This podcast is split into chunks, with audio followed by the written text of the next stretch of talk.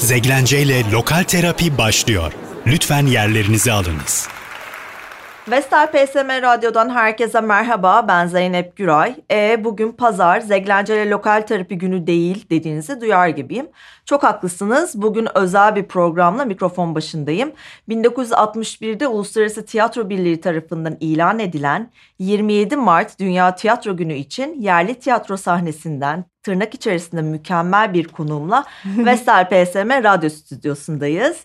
Küçüklüğünden beri gösteri dünyasında olacağını içten içe bilen, buz pateni dünya şampiyonu olma hayallerini ortaokulda aldığı dans, ses ve tiyatro eğitimiyle müzikal oyuncusu olma yönüne çeviren, hayatını 24 farklı şehirde yaşadığı anılarla dolduran, kendi ayakları üzerinde durma konusunda bence söyleyeceği çok sözü olan bu güçlü kadını birçok yerden tanıyorsunuz reklam ve hatta telefon bankacılığındaki o tanıdık sesin sahibi, televizyon ve dijital platformlardaki dizilerde bazen Feyza, bazen İdil Yaman, bazen Şevval karakterlerine can veren kişi, ağzımızı açık bıraktıracak rollerle uzun metrajlı tüm ödülleri toplayan oyuncu, tiyatro sahnesinde hem çevirmen hem de unutulmayacak performansları sergileyen tiyatro emekçisi, Zorlu PSM YouTube kanalındaki sahne tozu yutanların vazgeçilmez konuğu, Tüm sezon evlilikten sahnelerle yüzde stüdyoda izleyebileceğiniz Ece Dizler hoş geldiniz. Böyle bir giriş. Alkış istiyorum şimdi. Alkış efekti geldi gerçekten. Teşekkür ediyorum. Böyle söyleyince e, film şeridi gibi hayatım gözümün önünden geçti. Çünkü gerçekten ve zaten öyle. Nasılsın? Teşekkür ediyorum. Sağ olun beni konuk ettiğiniz için. Tüm dinleyenlere de e, merhaba diyorum buradan. E, iyiyim. E, çok yoğun bir Mart ayının sonuna doğru geliyoruz. Covid e, neredeyse bitti. HES kodları kalktı. Çok e, şükür. E, evet çok şükür. E, event event üstüneydi. 8 Mart Kadınlar Haftası dolayısıyla da bu ay ben çok yoğundum. Çok fazla yere katıldım. Bu da sonuncusu. çok güzel yani. Bundan sonra bir süre tatildeyim. oh mükemmel. Ama tabii ki oyunlar devam ediyor. Tabii tabii oyunlar devam ediyor. Ee, oyunumuz zaten Zorlu Stüdyo'da. Ee, dinleyenler de biliyordur. Ee, oyunlarımız sahneler. Mart'ta 31 Evlilikten Sahneler oyunumuz versus Zorlu ortak prodüksiyonu. 31 Mart'ta e, kapatıyoruz. E, bu ay bir, bir oyunda da Alan Kadıköy'e konuk olduk. E, onun dışında genelde zorlu oynuyoruz ama. 31 Mart'ta son oyunumuzu oynayıp Mart ayını kapatıyoruz. Peki aslında tam da pandemi döneminde premieri yaptınız. 21 e- e- Ekim'de yaptınız premieri. E, bu pandemi sürecinde bir oyuna hazırlanmak, ya evlilikten sahneleri ortaya çıkarmak nasıldı? Çünkü 6 Haziran'da aslında yine sahne tozu yutanlara konuk olmuştunuz geçen sene ve o zaman da e, evlilikten sahnelerin hafif hafif böyle başlangıçlarındaydı ve ne zaman sahne alacağımızı bilmiyorduk. Ee, sizin için bu süreç nasıl geçti? Yani her oyunun kendi kaderi oluyor dersem e, gerçekten çok dramatik bir şey söylemiş olmam. Çünkü her oyunu kestiremiyorsunuz. E, kendi prova süreciyle e, karşınıza geliyor. Biz bu oyunu üç kez provaya başladık. Karar verdiğimizde henüz Covid diye bir şey yoktu dünyada. Hı. Ee, iki sene önce yani. Evet iki sene önce Ocak ayında karar verdik. Kayhan Berkin yönetmenimiz ve Versus'un kurucusu Kayhan Berkin'le birlikte hatta bir Londra seyahati e, yaptık biz. E, ikimiz de Londra menşeliyiz. İkimiz de orada okuduk. O vesileyle tanıştık zaten Kayhan'la. E, orada oyun izlediğimiz bir haftanın e, ortasında biz bu oyunu yapmaya karar verdik. Ve dedik ki e, Mayıs gibi provaya gireriz, oyunu hazırlarız, çıkartırız, yaza dağılırız, Eylül'de de sağlam bir şekilde gireriz. Ne zorlu vardı ortada ne bir şey. E, sonra tabii Mart'ta e, evlere yollanınca girdi. Onun üzerine biz e, Öner'le anlaştık Yohan oynaması için. Sonra da dedik ki Zoom yapalım. Her gün 15, 17'de, 5'te toplanalım ve metin çalışmaya başlayalım ve bu bizi diri tutsun, ayakta tutsun. Her gün yapmamız gereken bir şey olsun, bir yapı kurulsun. Ve bu şekilde biz metni, çevirisini, düzenlemesini, her şeyini Mart, Nisan, Mayıs aylarında yaptık.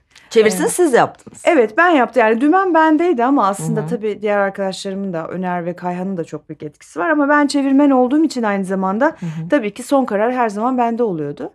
Ee, onun ondan sonra bir e, Ağustos ayında tekrar girmek istedik. Benim setim çıktı. Şey, Öner'in seti vardı. Sonra Şubat'ta girmek istedik. Covid arttı derken bizim provalarımız bir buçuk yıl ileri attı aslında. Ee, ve en sonunda oluyor mu gerçekten oluyor mu diye birbirimize baka baka şaşkınlıkla oyunumuzu çıkarttık. İlk dönemde de 8 oyun iptal ettik Covid'den dolayı. Yani talihsizlik aslında peşini bırakmadı ama şu anda çok şükür şu sesi duyalım. şu anda gerçekten çok iyi gidiyor. Çok memnunuz. Ya ben e, şanslı insanlardanım çünkü ilk izleyenlerdenim. 21 Ekim'den önceki premierde en son provanızı izlemiştim ve evet, talihsiz e, bir gündü bence o. Hiç şanslı değilsiniz bence. Olsun bence güzel bir gündü. ya, bu tarz şeylerin ilkini izlemek ve sonrasında tekrardan izlemek bence o gidişatı ben ve oyunun şey nasıl oturduğunu tekrar gelmeniz lazım. Şu an bambaşka yerdeyiz. Evet oyunun oturduğunu görmek bence çok güzel bir şey. Sizin bir sözünüz var. Bir oyun aslında 30 ve 40 kez oynandıktan sonra tam anlamıyla Kesinlikle. oturur diye bir sözünüz var. Ee, beni birazcık tetikleyen bir oyun oldu. Hmm. Çünkü bence bekarken gidildikten sonra bir de evlendikten sonra gidilmesi gereken bir de evlendikten sonra bir 10 yıl geçildikten sonra gidilmesi bir de gereken boşandıktan bir, sonra. bir de boşandıktan sonra. yani böyle şey diyorum ki işte her şey yolundaymış gibi gerçekten yapılıyor mu bu evliliklerde her şey çünkü gayet hani e, rayında normalmiş gibi e, hiçbir problem yokmuş gibi problemleri mantık çerçevesinde çözerken görüyoruz sürekli ve aslında aşağıda bir yıkım var. Tabii. Yani herkesin kendi içinde yapmak istediği şeyler farklı. Sürekli bir mış gibi yapıyoruz. Acaba diyorum evlilik gerçekten böyle bir şey mi? Çünkü etrafımda da çok fazla bu aralar böyle boşanmalar oluyor. Sonra diyorum ki acaba ya tam onlar oldu diye bana da bu olacak demek değil. Her evlilik böyle değil. Ama bir yandan da bir korkmaya başladım. Falan böyle gitgeller halinde beni böyle sorgulatan bir oyun oldu. Şu an evli misiniz? Şu anda değilim. yani bilmiyorum. Ee, ben evli arkadaşlarımı ayrı ayrı alıyorum oyuna. Diyorum kızlar beraber gelin, oğlanlar siz ayrı gelin. Çünkü sonra e, o mesela evlilikte cinsellik bittiyse e, sonra arabaya binildiğindeki buradan çıkışta o gerginliği yaşamalarını istemiyorum yani aralarında. E, evet evlilik süresince bence kimlikte bir yıkım yaşanıyor. Kişinin kendi öz kimliğinde sürekli olarak bir yıkım. Ama bu her zaman negatif olacak diye bir şey yok. Tabii ki. Bir taraftan da başka bir kimliğin inşası orada devam Hı-hı. ediyor. Bir biz olma kimliği. Ee, çok derin ve anlamlı bir e, iletişim yoksa e, iki kişi birbirine alan açmıyorsa kendi varlığını sürdürebilmesi için nefes almasına izin vermiyorsa ve dahi bütün toplumun evlilik kurumu üzerine bindirdiği baskılardan da azade olamıyorsa bu evlilik bu evlilik bence ya bitmeye mahkum oluyor ya da e, kişilerin kendi e, personasının yıkımına neden oluyor. Başka türlü bir yol göremiyorum ben. Yani ben hiç evlenmedim ama 40 yaşındayım, çok ilişki yaşadım ve kaç, birkaç tanesi de evlilik gibi de yaşandı açık konuşmak gerekirse. Bir de birazcık da yaş ilerleyince yani bazı şeyleri e, yaşamana gerek yok algılıyorsun. Hı hı. E, Bergman'dan bahsetmek isterim bu hı hı. noktada. Bergman e, bu evlilikten sahneler Scenes from a Marriage filminin e, sahne uyarlaması aslında.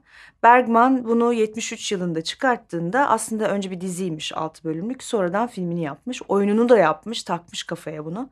7 kez evlenmiş biri Bergman. Wow. Ve e, kendi ilişkilerinden de çok fazla şey barındırdığını söylüyor oyunun.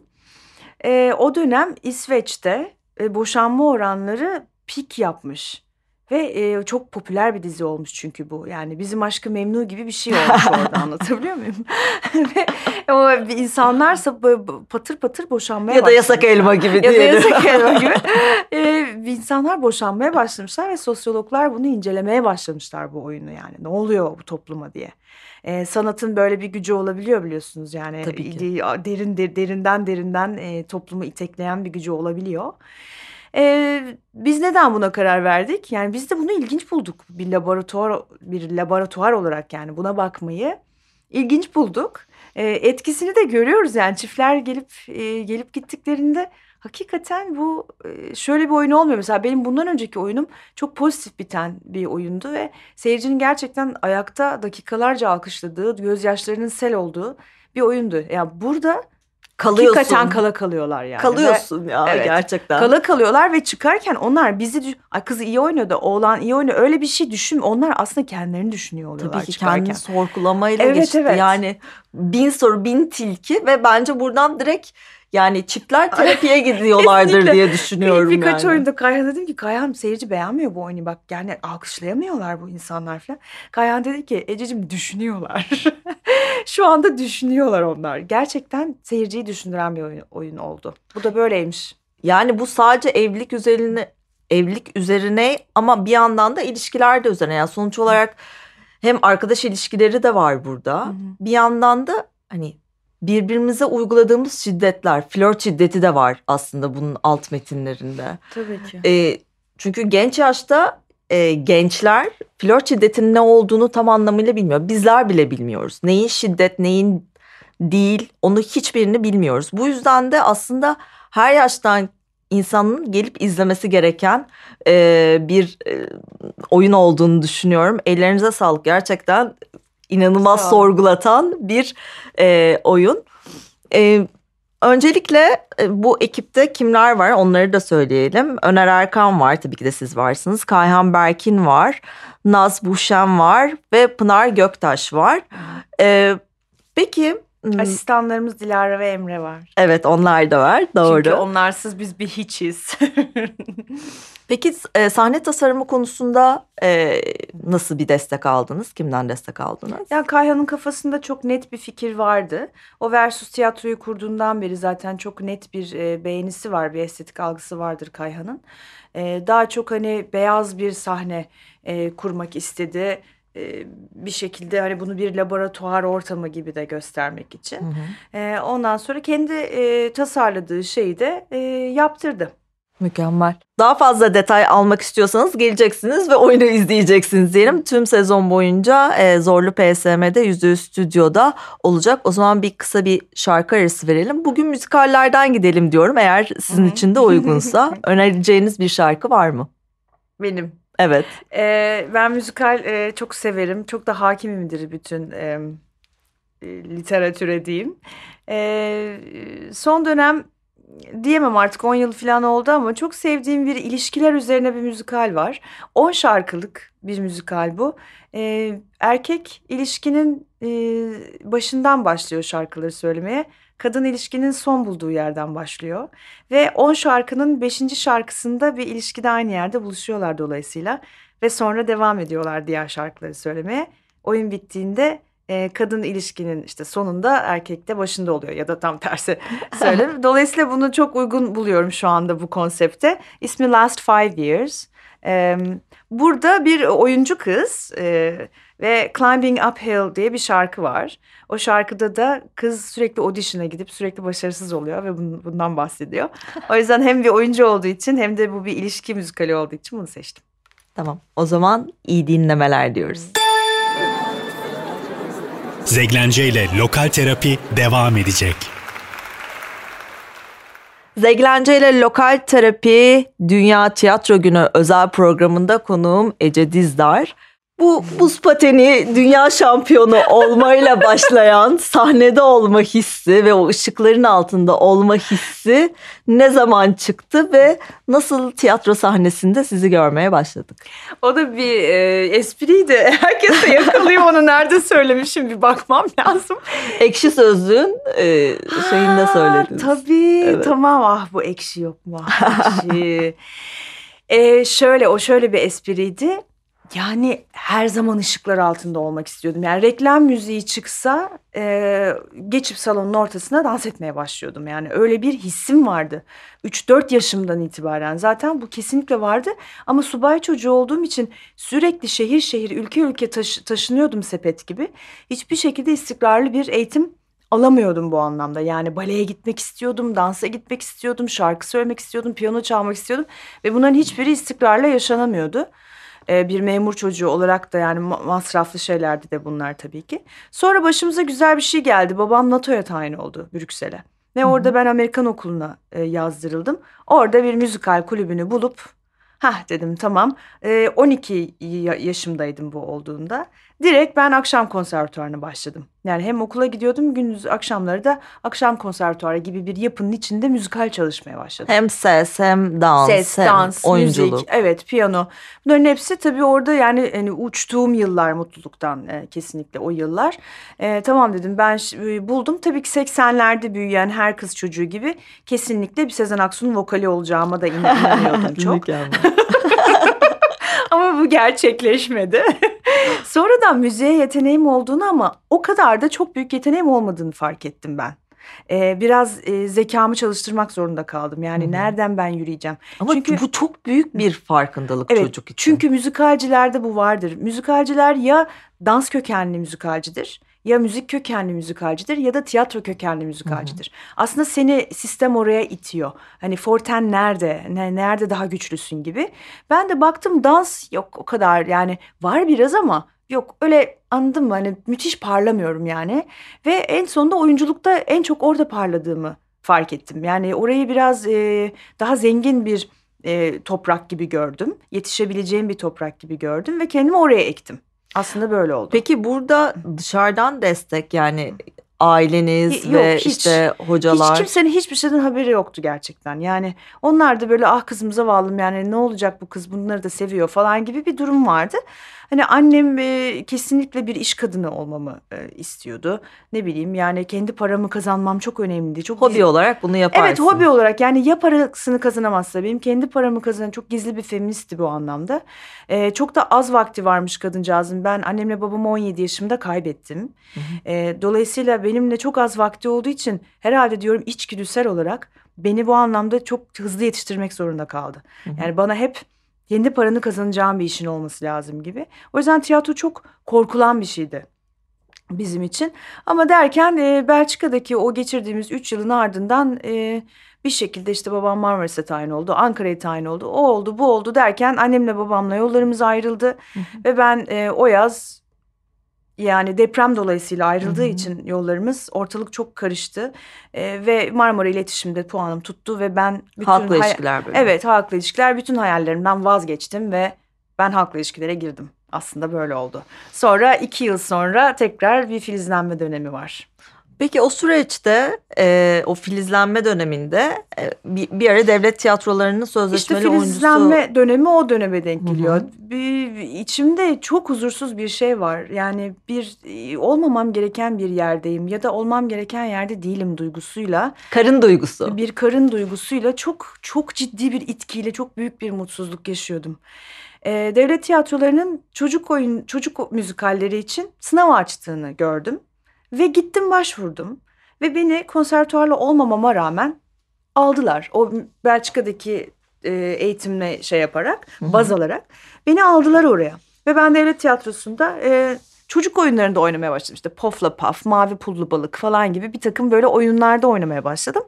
E, derken yavaş yavaş zaten Marmara İletişim'den e, mezun oldum. Allah rahmet eylesin. E, o, Ünsal Oskay dekanımız tamam oyuncu olacaksın belli ama yani şurayı bir bitir yani çünkü zaten yaralı bir çocuksun 42 kilosun yani seni orada yerler dedi. Konservatuara göndermedi. Sonra da yaşım geçti. O zaman iki yıllık şeyler yoktu okullar falan. Okullar yoktu Türkiye'de. evet. Ben de e, İngilizcem iyi olduğu için hep yurt dışı geçmişimden ötürü e, burs burs buldum. Bunlar böyle bir cümleyle geçiyor ama hepsi çok yoğun uğraşılar aslında. Londra'da e, sınavlara girdim. Ayla Algan, e, Ayla Algan'la beraber galiba auditionlara Evet. hazırlandınız Ya 2002 bana yılında. Orijinal dilinde Jacoben tiyatro çalıştıracak birine ihtiyacım vardı. Ben de Haluk Bilginer ve Ayla Algan'ın peşine düştüm. Ve Ayla Algan'ı buldum. Böyle çıktım karşısına. Dedim yani bana çok orijinal dilinde tirat çalıştırmak zorundasın. O da sağ olsun hiç para almadan çalıştırdı beni. Mükemmel. Ee, birkaç şarkı çalıştım işte dans çalıştım. O zaman e, şeye Yıldız Teknik Üniversitesi'nin modern dans bölümü hocalarından Tan Temel destek oldu. O da bana sağ olsun. Bir iki koreografi de yaptık. Ben gittim sınavlara girdim. Beş Yani- okuldan dördünü ka- kazandınız. Beş okuldan dördünü kazandım çünkü aşırı huysuz ve aşırı öfkeliydim. Yani hani beni al yani bence beni benden kurtulmak için aldılar. Yani bu kızı bu kız bizim başımıza Bela hani olacak. o kadar o kadar istekliydim ki E, derken bir tanesini seçtim. E, beş ayrı firma benim eğitimimi karşıladı 16 bin pound kadar top, para toparladım 3 ayda. Derken Londra'ya taşındım. Peki Londra'da bambaşka bir tabii hayat ve orada bir yandan da var olman gerekiyor. Yani ne kadar paran olsan bile yine orada bir şekilde ayakta olman. Başka bir e, ülke, başka bir dil. Tabii. Yani siz sonuç olarak Tabii, tabii. yatkınsınız, Muhakkak. biliyorsunuz ama sonuç olarak hani bir o İngiltere soğukluğu vardır. Orada aslında yine hani diğer vatandaş gibi Tabii. görünüyorsunuz. Orada da aslında bir sürü e, dizide oynadınız, işte müzikalde oynadınız. BBC'de bir ilk diziniz orada oynadınız. Onu da aslında oynayamadım. Oynayamadığım için de e, vatandaşı oldum oranın. Öyle garip bir hikayesi vardır onun. E, audition'a girdiğim gün meğer çalışma iznim, e, pardon audition'a diyorum. Audition'ı aldım. E, BBC'deki The Casualty diye bir dizi. E, tam onu oynayacakken çalışma iznine ihtiyaç duyduğum ortaya çıktı. Ve e, beni böyle gü- güvenlikle falan attılar BBC'den yani. Sen ne biçim bir insansın? Senin 20 saat çalışma iznin var. Öğrencisin diye. Ben de bilmiyordum dedim yani. Tabii kim inanır bilmediğime. Ee, 22 yaşındaydım ve gerçekten bilmiyordum yani. Hani fatura kesmeyi bir makaslı falan kesilen bir şey zannediyordum. Nereden bileceksin Ee, zaten? Kimseye bunu öğretmiyorlar Aynen. ya. Ben hala bilmiyorum yani. Sonra sağ olsun orada biliyorsunuz Mehmet Ergen'in Arkola tiyatrosu vardır. Evet. Ee, ilk gidişim de yine beni e, ilk 3 ay alışmam için Release the Beat diye bir müzikal vardı. Yine ona almıştı. 2004'te. Evet ona aldı. Orada koroda böyle arkada oynamıştım. Yine onlar yardımcı oldular. Bir avukat buldum ve hala da çok e, yakınızdır o avukatımla. Ve şu an İngiltere vatandaşıyım. Mükemmel. Evet 7 yıl sürdü yani. Gene bu bir cümle içerisinde söylediğime inanamadığım şeylerden biri. 7 yıl süren bir süreç ama e, şu bir an cümleyle bir şu cümle. anda. Aynen öyle. Peki 2005'te de Leyla'yı oynadınız National Theatre'da. Hmm, evet. Ee, o nasıl bir süreç oldu? Not Yani the love I 2000 cry for. Değil mi? 2005'te zaten mezun da oldunuz bir yandan. Mezun oldum. İşte orada National Theatre Studios bir sürü bir auditionlar açıyor. Gidiyorsunuz, giriyorsunuz, bir yerlerden bir şeyler duyuyorsunuz. Aslında orada bir sirkülasyon var yani sürekli. Ee, bunun gibi 4-5 oyunum olmuştur orada da oynadığım. Birds Without Wings. Birds Without Wings en büyüğüydü sanırım. Çünkü Hı hı. başrol oynuyordum ve bütün İngiltere'ye turne yaptık. O turne diye bir şey vardır biliyorsunuz yurt dışında oyunlarda. Yani turne tiyatrosu. Turne tiyatro. Yani bütün İngiltere Ipswich'ten başlayıp bütün İngiltere'yi turladığım bir oyundu o. Çok da güzel para alırsınız İngiltere'de turnede. Yani bir altı hafta bebek bakmadan yaşatır sizi. Evet o süreçte nasıl peki? Yani evet birileri Ah. size sponsor oldu. O süreci O birazcık bitti o para yani o okula verdik o parayı gömdük bitti. orada O- yaşamaya çalışmak ve çabalamak. Tabii işte e, 4-5 tane kolu vardı bu işin. De e, baş Ankara Anlaşması başvuru sürecinde e, var olan statüyle kalıyorsunuz. Oyunculuk yapamıyorsunuz yani. Hı hı. Dolayısıyla ne yapıyordum? İşte bir kere sürekli bebek bakıyordum. Yani bir e, birkaç çocuk yetiştirmiş kadar deneyimim var yani. Hani şey arkadaşlarıma şey diyorum. Aa, ateşim çıktı. Tamam tamam bir şey olmaz. Karpol ver bilmem ne. Böyleyim yani. E, bebek bakıyordum, ressamlara modellik yapıyordum. E, catering firmasında çalışıyordum bazen geceleri. Bir ara ara kafeler oluyordu. Ara ara film e, çeviriyordum. E, sonra dublaj çıktı hayatıma girdi. E, bir daha çıkmamak üzere girdi. Orada da Türkçe dublaj yapmaya başladım. Bazı böyle lastik firmaları yani daha sanayi Hı hı. e, tipi motorin falan o tip böyle sıkıcı sıkıcı şeyler. Ama yani bir yerlerden bir paraları toparlayıp işte yaşamaya çalışıyordum açıkçası biraz öyle oldu ve yoruldum da. Çok desteksizde kaldığımı düşünüyorum o dönemde. Yani şansımın yaver gittiğini o anlamda düşünmüyorum yani çünkü çok zordu geçinmek inanın. Ee, Ve dünyanın en pahalı e, ülkelerinden biri Gerçekten Londra. öyle yani Londra dışı sizi içi beni yani ve dolayısıyla vatandaşlığımı aldığım gibi döndüm.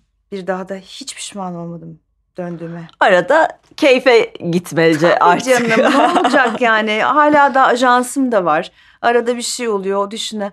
Yani şeyde Lyceum Theatre'da 3 yaz önce e, uluslararası festivalde e, Rhinoceros oynadım yani.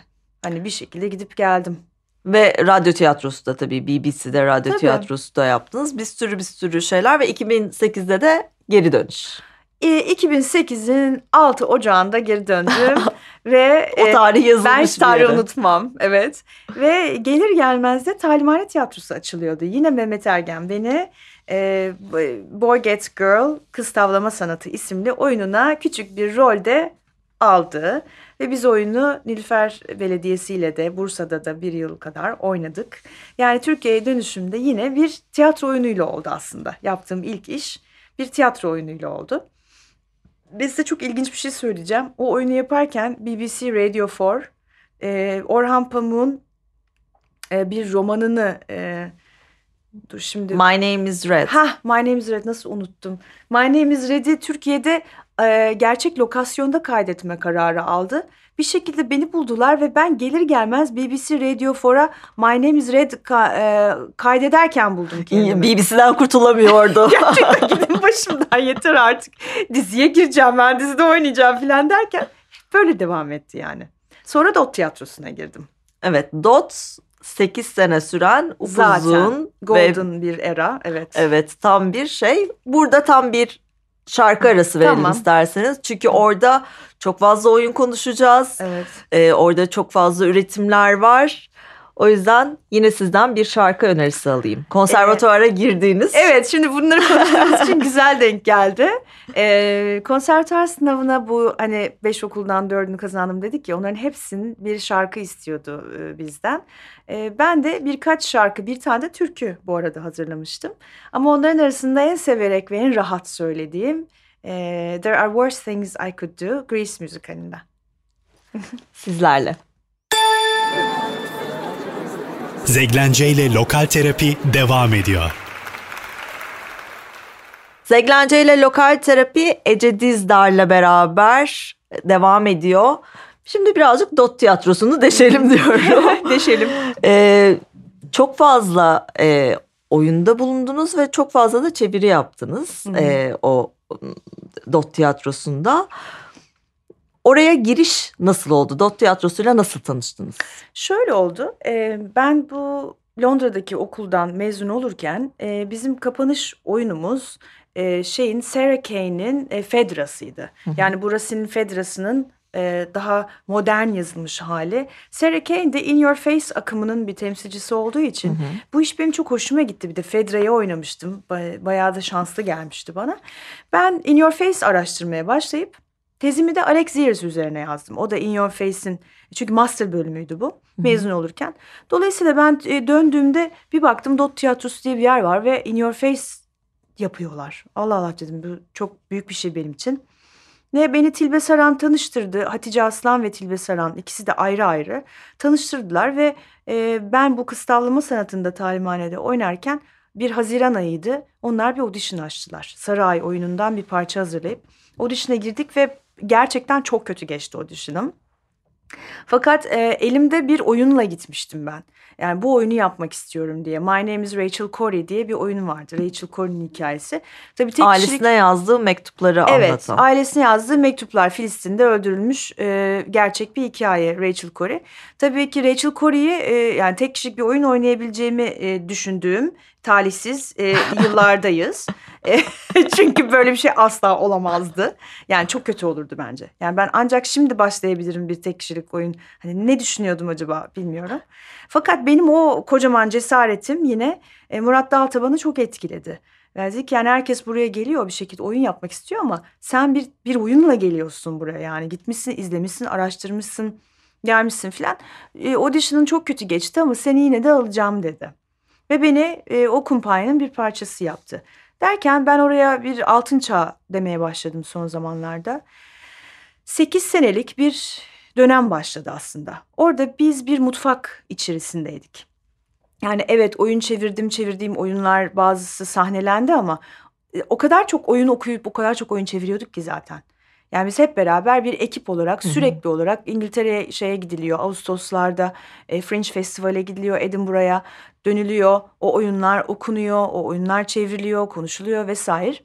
Ve e, kasta göre de oyunlara yerleştiriliyoruz. Tabii ki yerleştirilmediğimizde dramlar da yaşıyoruz yani. Bir kumpanya gibi düşünün yani bir Ve Black bir Swan yandan da ortamı da yok laboratuvar değil. gibi yine. Yine Tabii. bir laboratuvar ortamı Aynen. gibi. Laboratuvar ortamı ama sürekli tiyatro konuştuğumuz, tiyatro sevdiğimiz ve biraz batılı bir yaklaşımla tiyatroya da baktığımız bir yerde orası.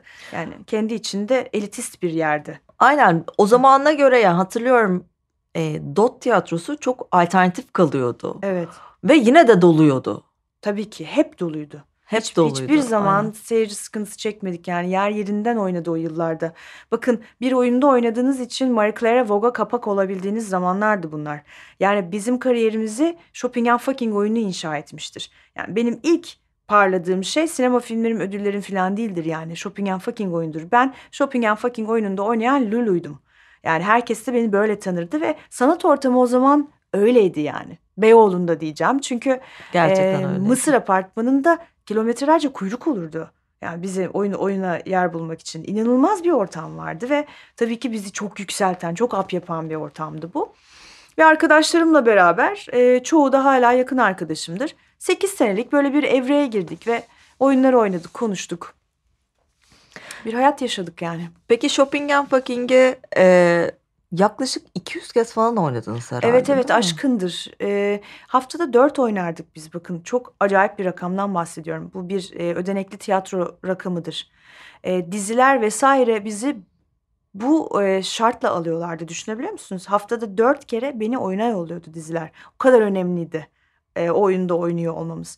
Ayda 16 kez oynadığımız için biz bir sezonun bir başından çıkıp bir başından e, girip bir başından bir çıkıyorduk. 106 oyun oynamışız. Yani böyle bir ortamda o zaman. Peki bilmeyenler için e, bu oyunun birazcık temasını anlatabilir misiniz konusunu? Shopping and Fucking mi? Evet.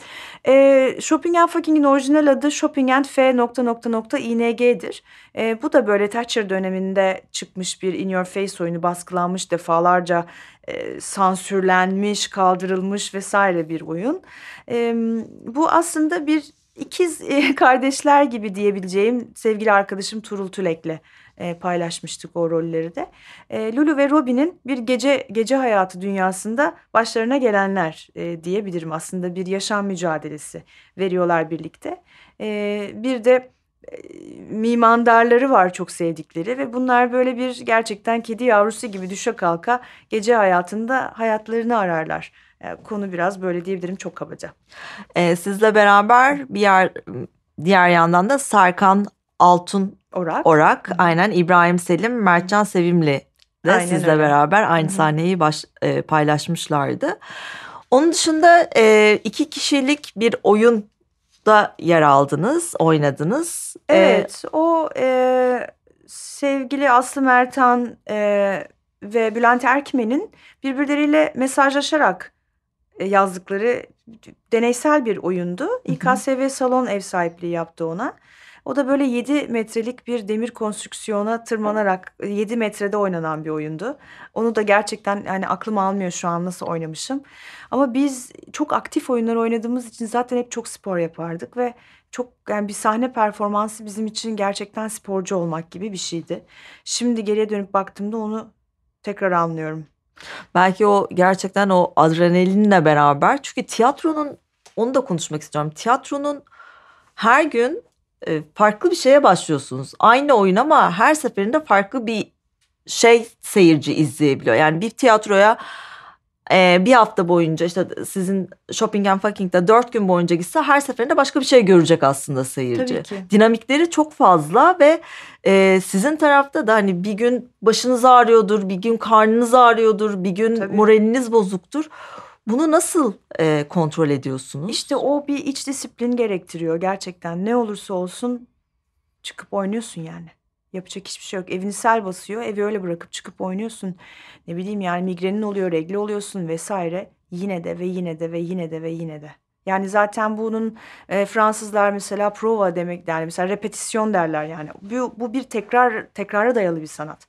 Bunu tekrar üretemediğin an bu zaten başka bir şeye dönüşüyor. Yani tiyatro o anda gerçekleşen ve tekrarı o anda bir daha olmayan e, bir şeydir. E, tekrar tekrar da oynamadığın sürece de hiçbir anlamı da olmayan bir sanat. Yani kendi içinde dinamiği bu. Eğer o, yüzden bir er meydanıdır yani. Hı hı. Çünkü sürekli aynı duyguyu taze bir yerden tekrar üretmen gerekir yani üst üste üst üste haftada dört akşam belki düşünün. E, alameti farikası da bu. E, heyecanlı tabii ki. Şimdi günümüzde sizin de çok hoşunuza gitmediğini biliyorum. Bazı tiyatrolar dijitalleşmeye başladı ve Hmm. e, ben de size katılıyorum. Yani tiyatro dediğimiz şey sahnede e, hani gerekiyorsa oyuncunun terini hissederek, nefesini hissederek izlenmesi gereken, bazı zamanlar oyuncuyla göz kontağı kurabileceğin bir şey olması gerektiğini düşünüyorum. Siz peki bu pandemi sürecinde hiç e, dijital tiyatro izlediniz mi? Enerjiniz nasıl oldu bir izleyici olarak? Ee, yani National Theatre'ın e, Arzu Tramvayı'nı e, izledim. E, bir de Seawall, Dalga Kıran, yine Serkan Altınorak oynuyor şu an. Onu Craft'ta hemen küçük bir reklam gireyim. E, o oyunu izledim Andrew Scott'tan. E, muhteşem performanslar vardı. Ama o oyunculukları görmek için ben onu izledim. Yani onun dışında dijital tiyatro izlemeyi hiç sevmiyorum. Fakat bununla alakalı e, bir emekçi işçi sendikasının yönetim kurulu üyesi olarak yakın zamanda yeni bir bakış açısı geliştirdim. Yani aslında orada söyle sizin de bildiğiniz gibi çok hoşlanmıyorum ama üstüne koyarak ilerlemek lazım. Hayat kendi kendini temize çekerek ilerler çünkü. Eğer tiyatro emekçilerine para kazandıracaksa ve pandemik gibi böyle büyük e, katastrofik şeyler olduğunda üretimi devam ettirecekse ve bir takım ışıkçılar, teknisyenler, bir takım oyuncular, bir takım yönetmenler, e, dramaturglar eğer para kazanacaksa yani neden olmasın demeye de başladım galiba.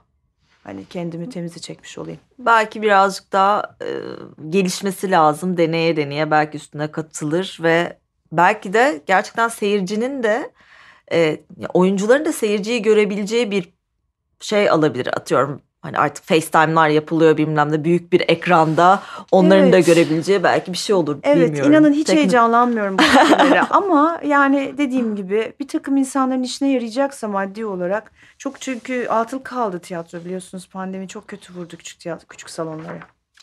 Sizin hatta e, Ekrem İmamoğlu ile yaptığınız bir söyleşi de var. Hı hı. E, bununla ilgili bazı sorular sormuştunuz kendisine. o da e, destekleyeceğini ve yine de e, bir işte fon kurulacağını söylemişti.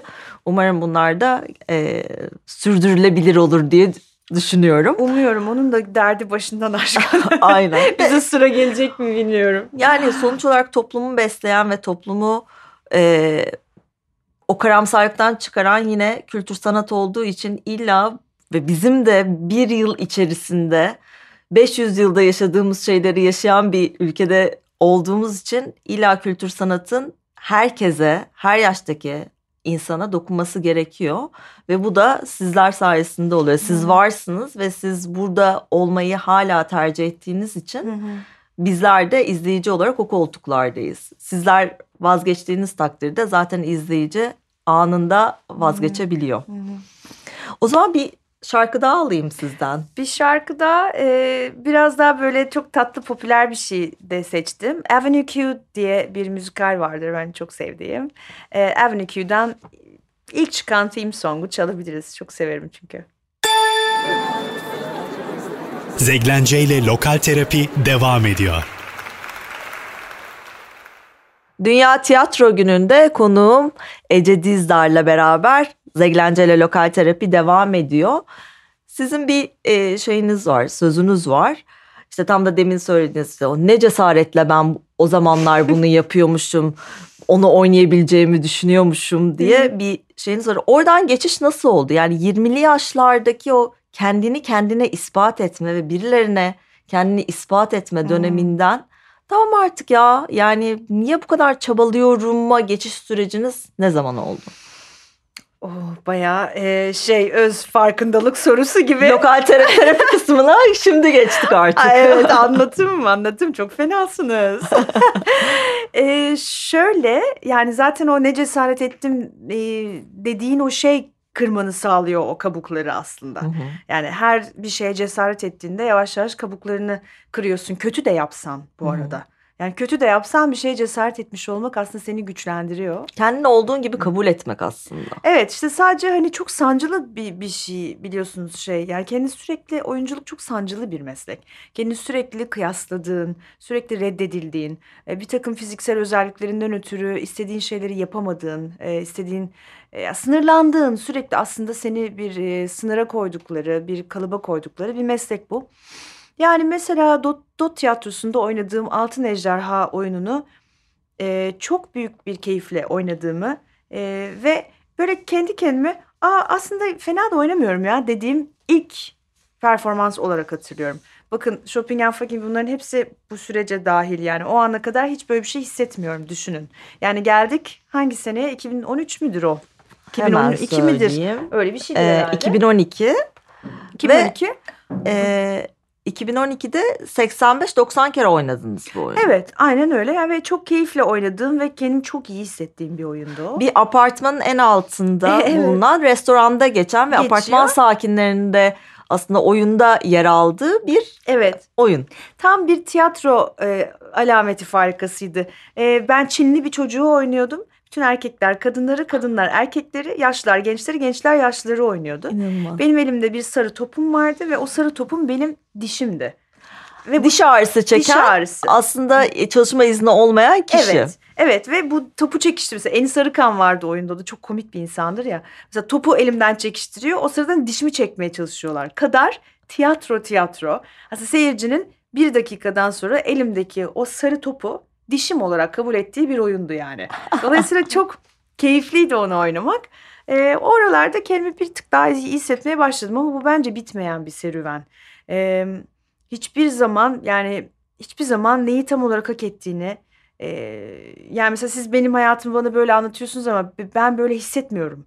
Yani benim içimde bir sürü yapamadığım şeyler, kırgınlıklar, başarısızlıklar, özgüvensizlikler var. Yani hepimiz aslında böyleyiz. Yani hiçbir kimse bir bütün olarak aa bu başarılı bir insan filan. Ama onun arkasında başaramadığı şeyler de var. Hani Tabii ki. Gibi. Ama Dolayısıyla buna da izinliyiz zaten. Evet. Yani başarısız olmaya ne zaman kendimize izin verdiğimiz zaman zaten o zaman başarı geliyor. Çünkü kendimizi o kadar fazla kısıtlıyoruz ki her anlamda. Kalıplara kendimizi de kalıplara sokmaya çalışıyoruz. İşte ben iyi bir insan olmam lazım. iyi bir evlat olmam lazım. Topluma yararlı biri olmam lazım. Hayır yani ben kötü bir insan da olabilirim ara ara. Yani Evet. en azından buna kendime izin vermem demek bunu olacağım anlamına gelmiyor. Her anlamda Evet. kıskanç da olabilirim. İşte çok verici de olabilirim ama verdiğim kadar almayı da öğrenmem gerekiyor ki gerçekten her şeyim hem hem olsun. Yani biz hem kadınız hem erkeğiz, hem iyiyiz hem kötüyüz. Hem çok vericiyiz, hem çok dürüstüz, hem çok dolandırıcıyız. Ya kendi içimizde çünkü başkasını dolandırmıyor olabiliriz ama kendi içimizde kendimizi dolandırıyoruz. doğru doğru. E, o zaman da karşıda birini birini dolandıran olduğu zaman da tepki veriyoruz. Çünkü sen asla dolandırıcı olamazsın yani. Hı. O yüzden de kabul ediyorsun bir yerden sonra. Ee, ne bileyim aldığım e, siz az önce dediniz bir sürü ödüller alan toparlayan. Evet Çekmeceler filmiyle Aşk Büyü vesaire filmiyle çok ödüller aldım. Ve inanın em, çok yakın bir geleceğe kadar yani o ödüllere bakıp em, ya işte bunu da o sene daha iyi bir bilmem ne olsaydı almazdım. Bunu da işte jüride o olduğu için almışımdır gibi hissettiğim çok olur. Yani bunu e, dışarıdan göründüğü gibi öyle olmuyor yani. Senin Hı hı. hissin e, o kadar paralel gitmeyebiliyor. Doğru. E, dolayısıyla bütün bu acıları bu da bir sancılı bir şey ya aldığın ödüle bile inanmamak. Yani ne kadar ne kadar sancılı bir şey. Çok. E, dolayısıyla Başarılı olduğun halde başarısız hissetmek. asla kendine hiçbir zaman hak etmediğini hissediyorsun. Yani orada 12 tane ödül rafta duruyor ve sen onu sana verenler dahil kendini de gerizekalı yerine koyuyorsun. Bütün bu acıları çektikten sonra iyice bir posta daha kırıp dökülüp ondan sonra da şöyle bir yere geldim. Ee, önemli olan tek bir şey var. Benim eğleniyor olmam. Ve bunu bir başkasının eğleniyor olması da gerekmiyor artık. Yaparken eğleniyor olmam. Prova sürecinde ve sahnedeyken eğleniyor olmam. Yani sonuç odaklı yaşamışım bütün bir e, kariyerimi. Dolayısıyla onu artık onu bıraktım. Yani so- ulaşmak istediğim hiçbir şey yok. Yapmak istediğim şeyler var artık. Hani gibi bir şey. Ama oraya gelene kadar da işte bu saydığım kırıp dökülmeleri yaşadım.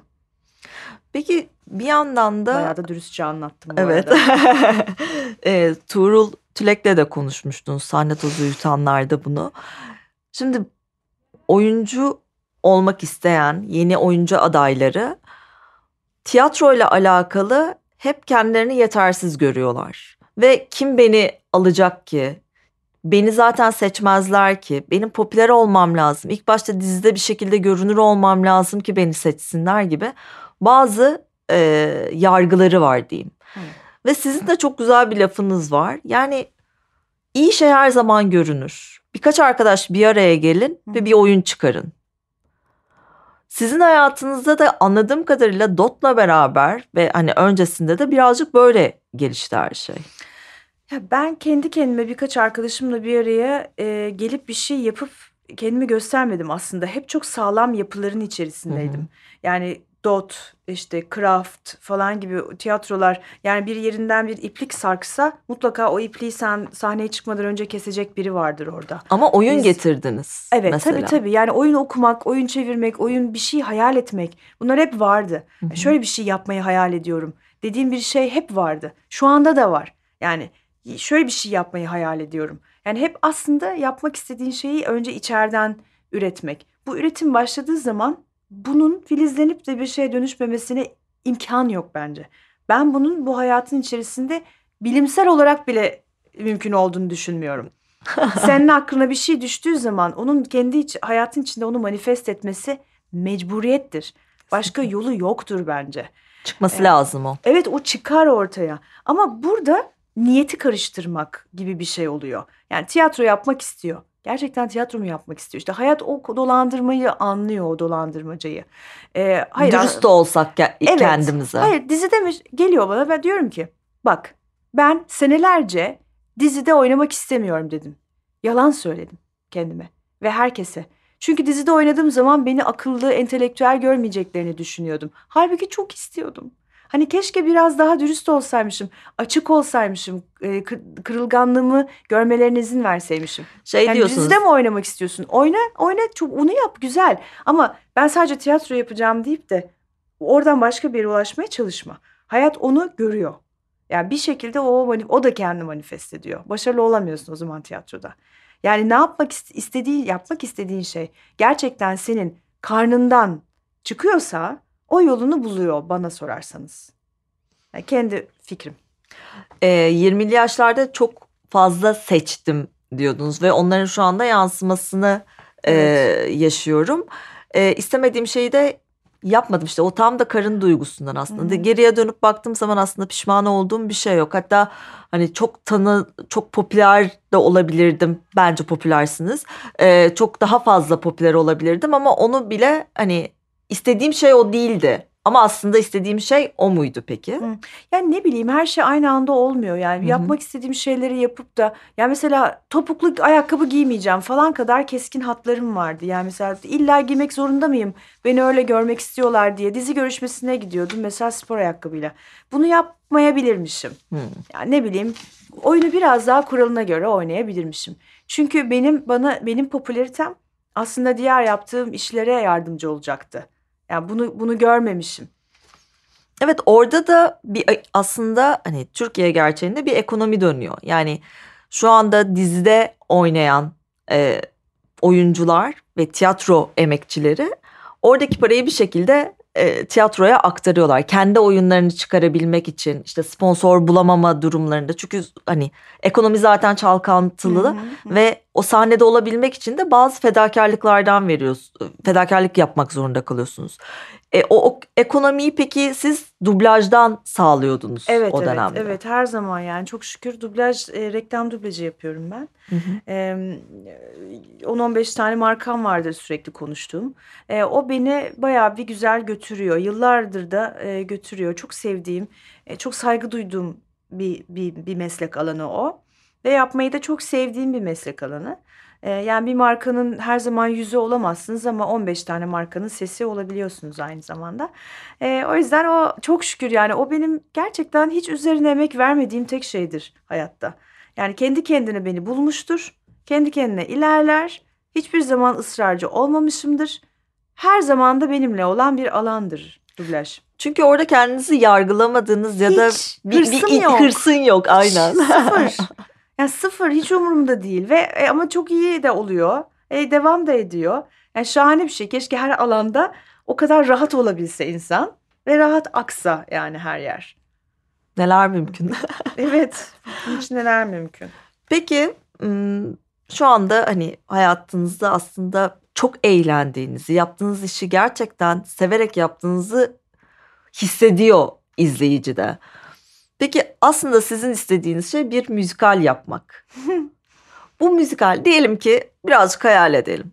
Bu müzikal olsa ve Türkiye'de yapılacak bir müzikal olsa bir e, mevcut olan bir müzikalin çevirisi mi olur yoksa yepyeni bir müzikal yaratmak mı olur? Hmm.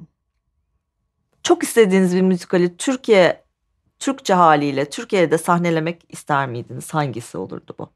Ya şu an artık geldiğim noktada sanırım yeni bir şey bestelensin Hı hı. isterdim. Yeni bir şeyin, ilk yeni çıkan bir şeyin bir parçası olmak sanırım daha çok hoşuma giderdi. Yani bu Last Five Years'ı yapmak isterdim ama onu yaptılar yani. Sevgili Kaan Sekban, Sekban ve e, Pelin Akil bunu oynadılar. E, dolayısıyla eğer ona biz ona yetişemedik, biz onu Tuğrul'la yapmak istiyorduk aslında. Hı hı. Bu olabilirdi. Ee, onun dışında yine Once diye bir müzikal var böyle iki kişilik. Hani öyle iki kişilik minik bir müzikal olabilir var olanlardan ama kocaman o grand şeyleri sanırım hayal edemiyorum ben. Hayalimin biraz ötesinde kalıyor. Yeni oluşturulmuş, yeni yazılmış bir bir müzikalde olmayı çok isterdim.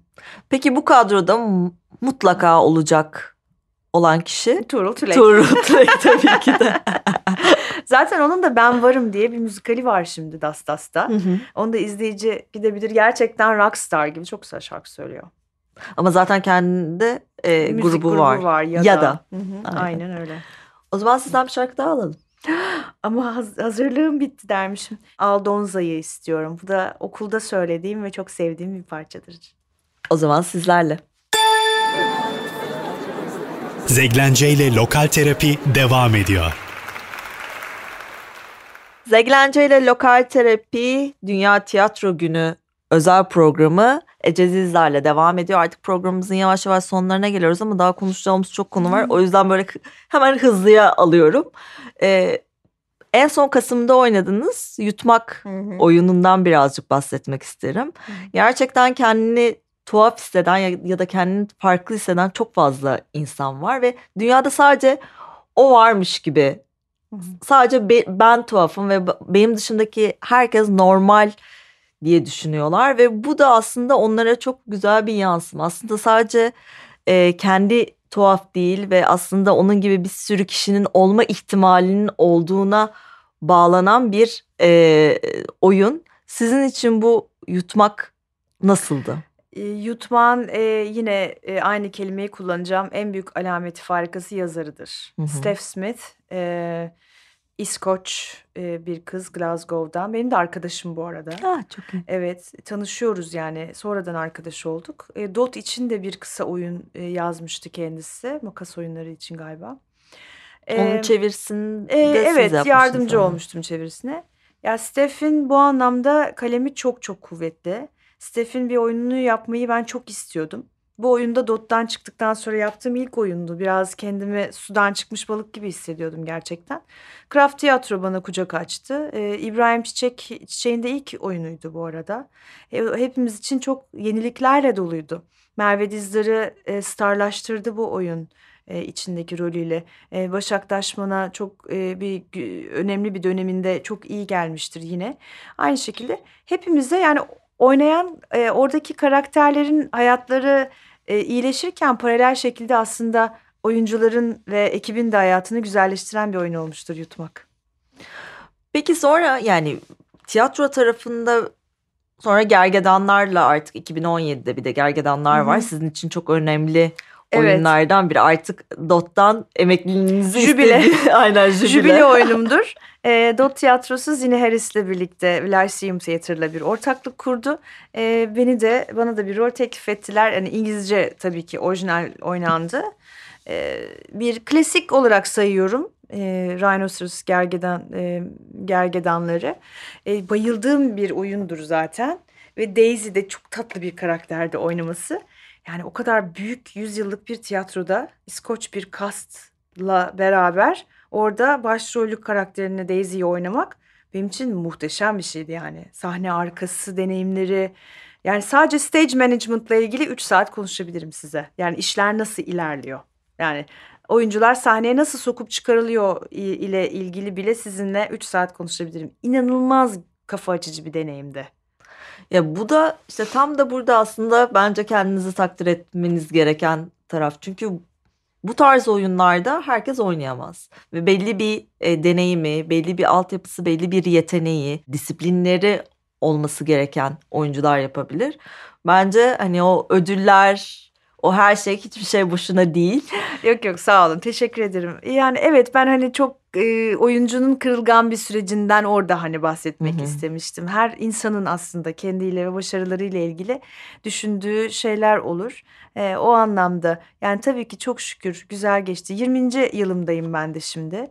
E, yir- 2002'de başlamıştım her şeye devlet tiyatrosuyla. Evet tiyatrosuyla. Dolayısıyla 20 yıldır kopmadan devam etmek, paramı sadece bundan kazanıyor olmak.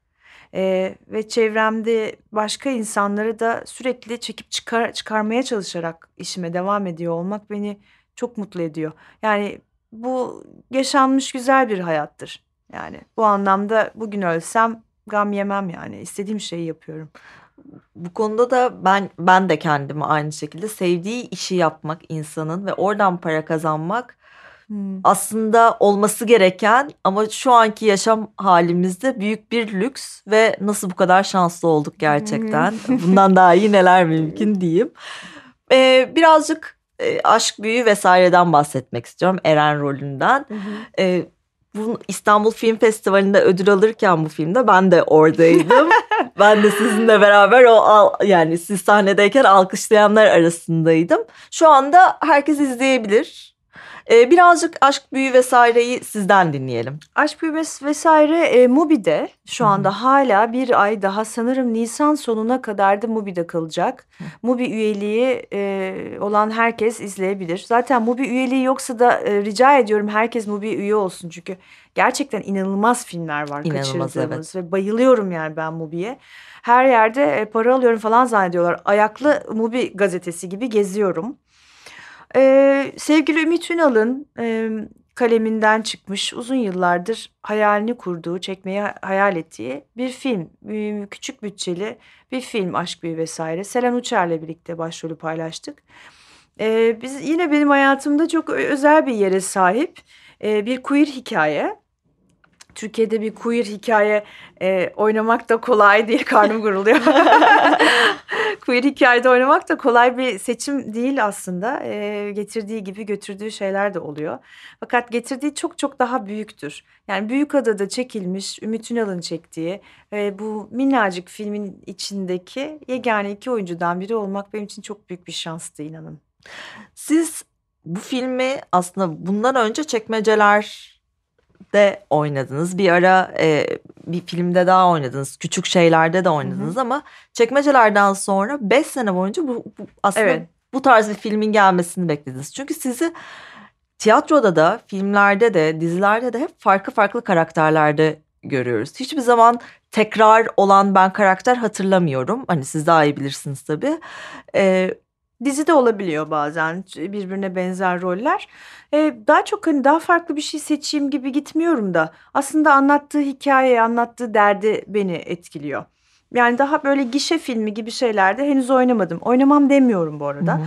Ama henüz oynamadım çünkü gelen şeyler e, dizilerde de aşağı yukarı oynadığım karakterlerde. Dolayısıyla hani onu zaten dizide yapıyorum. Hani sinema e, sinematok sinema, sinema chartıma hani öyle bir şey eklemek beni heyecanlandırmıyor. Peki bu farklı karakterlerde oynamak aslında kendinize de yaptığınız bir challenge mıdır?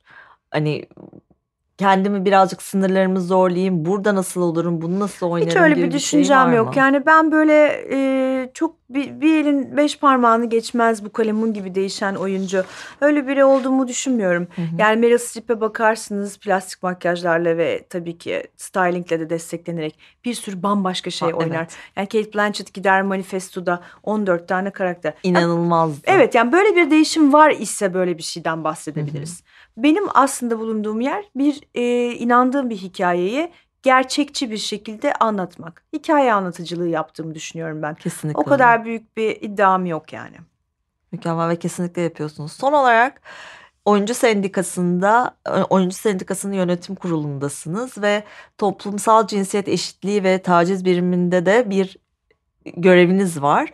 Ve geçen e, geçtiğimiz gün 21 Mart'ta da e, Dünya Kadınları WoW Dünya Kadınları Festivali'nde de aslında yaratıcı alanda eşitlikle ilgili bir e, konuşmada yer aldınız. Burada e, hem Avrupa'da hem de Türkiye'de. Türkiye'de zaten bazı konular bariz ama Avrupa'da e, hala bugün de de konuşulan şeyler bunlar. Yani sadece kendi ülkemizde olduğumuzu düşünüyoruz Evet, ama Avrupa'da da bir konu, konuşulan. aynen. Aynen. Sizin bu süreçte oyunculuğunuz yani bu oyunculuk hayatı 20 yıl boyunca yaşadığınız e, bu tarz olayları üste, üstesinden nasıl geldiniz? Şimdi Oyuncular Sendikası e, Uluslararası Aktörler Federasyonu Fi- FİA'nın yönetim kurulundadır. Hı hı. Önce buradan başlayayım. Hı hı. Dolayısıyla bütün dünyanın e, hem cinsiyet eşitliği hem tacizle alakalı e, politikalarına Code of Conduct dedikleri e, davranış kodlarının bilgilerini biz büt- bütün dünyadan çekebiliyoruz. Dolayısıyla model oluşturmak e, çok zor zor değil. E, bu birim yani kadın çalışmaları birimi sendikada 4 yıl önce kurulmuş 2018'de. E, ben 2 yıl önce devraldım, sorumluluk devraldım arkadaşımdan. E, biz bu birimde e, kendi sosyal medya hesaplarımızı artık kullanıyoruz. Çok daha fazla erişilebilir olmak adına sektördeki kadınlara. iki alana ayırıyorum faaliyetlerimizi. Biri cinsiyet eşitliğiyle, eşitsizliğiyle mücadele. e, biri de tacizle mücadele.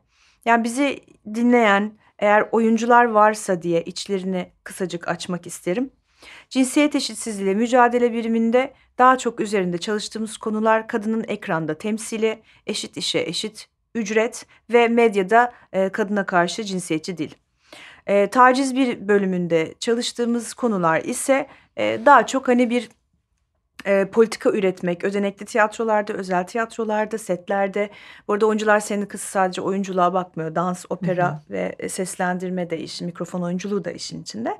E, bütün bu alanlarda tacizin daha çok daha e, daha fazla yaşanmaması için e, nasıl politika üretebiliriz? Yani şehir tiyatrolarıyla nasıl masaya oturabiliriz? Yapımcılar Derneği'yle nasıl masaya oturabiliriz?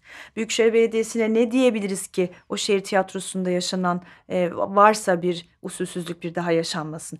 Aslında sendikanın görevi politika üretmektir. Hı hı. Ama tabii ki çok küçük bir sektör olduğumuz için de e, bir taciz vakası yaşandığında bize geliyorlar. Biz e, gerekirse psikolog desteği, avukat desteği sağlayabiliyoruz. Davanın takibini yapıyoruz. Kamuoyunda eğer bir bilgilendirme yapmak, dalgalandırma yaratmak gerekiyorsa yapıyoruz. E tabii ki bir e, yasal bir sendika olduğumuz için bazı tüzüklere bağlıyız. Eğer elimizin kolumuzun erişmediği bir şey olur ise de paydaşlarımız var. Onlardan yardım alıyoruz. Bunların en büyüğü Susma Bitsin platformudur. Hı hı. Susma Bitsin platformuyla Oyuncular Sendikası Kadın Çalışmaları Birimi e, kız kardeştir. E, gösteri sanatında kadın grubu aynı şekilde sahne sanatları öğrencileri danışma platformu, Sinema TV Sendikası'nın kadın çalışmaları birimi, Yapımcılar Derneği, Yönetmenler Derneği bunlar bizim paydaşlarımız. Zor bir alan üzerine çalışması, sıkıcı da olmak istemiyorum programınızda E, ama ben benim için en önemli şey erişilebilir olmak. Oyuncular Sendikası Kadın Çalışmaları Biriminin Instagram, Twitter e, hesaplarında iletişim bilgileri de mevcut. E, sektörümüzde hiçbir kadının kendini bu anlamda yalnız hissetmesini istemem. E, erişilebilir olmak en büyük mottom diyebilirim bu birimin sorumlusu olarak. kendi kişisel gelişiminizi aynı zamanda hani kamu kamuya da açmanız, kamuyu da bir şekilde bilinçlendirmeye adamanız kendinizi ve böyle bir görev aldığınız için ben teşekkür ederim. Sağ hem olun. bir kadın olarak hem de kültür sanatta çalışan biri olarak çok teşekkür ederim. Ben teşekkür Ee, ederim Zeynep Hanım. Çok güzel, kapsamlı bir programdı. Bu kadar iyi araştırdığınız için, beni bu kadar onara ederek, e, bütün detaylarıyla e, konuşmama izin verdiğiniz için teşekkür ediyorum. Ben de geldiğiniz ve zaman ayırdığınız için çok teşekkür ederim. Umarım başka oyunlarda, başka filmlerde tekrardan e, sizi konuk almak isterim. Sağ olun. Dünya Tiyatrolar Günü herkes için kutlu olsun. Bu şahaneydi. Bundan daha iyi neler mümkün. Hoşçakalın. Zeglence ile Lokal Terapi sona erdi.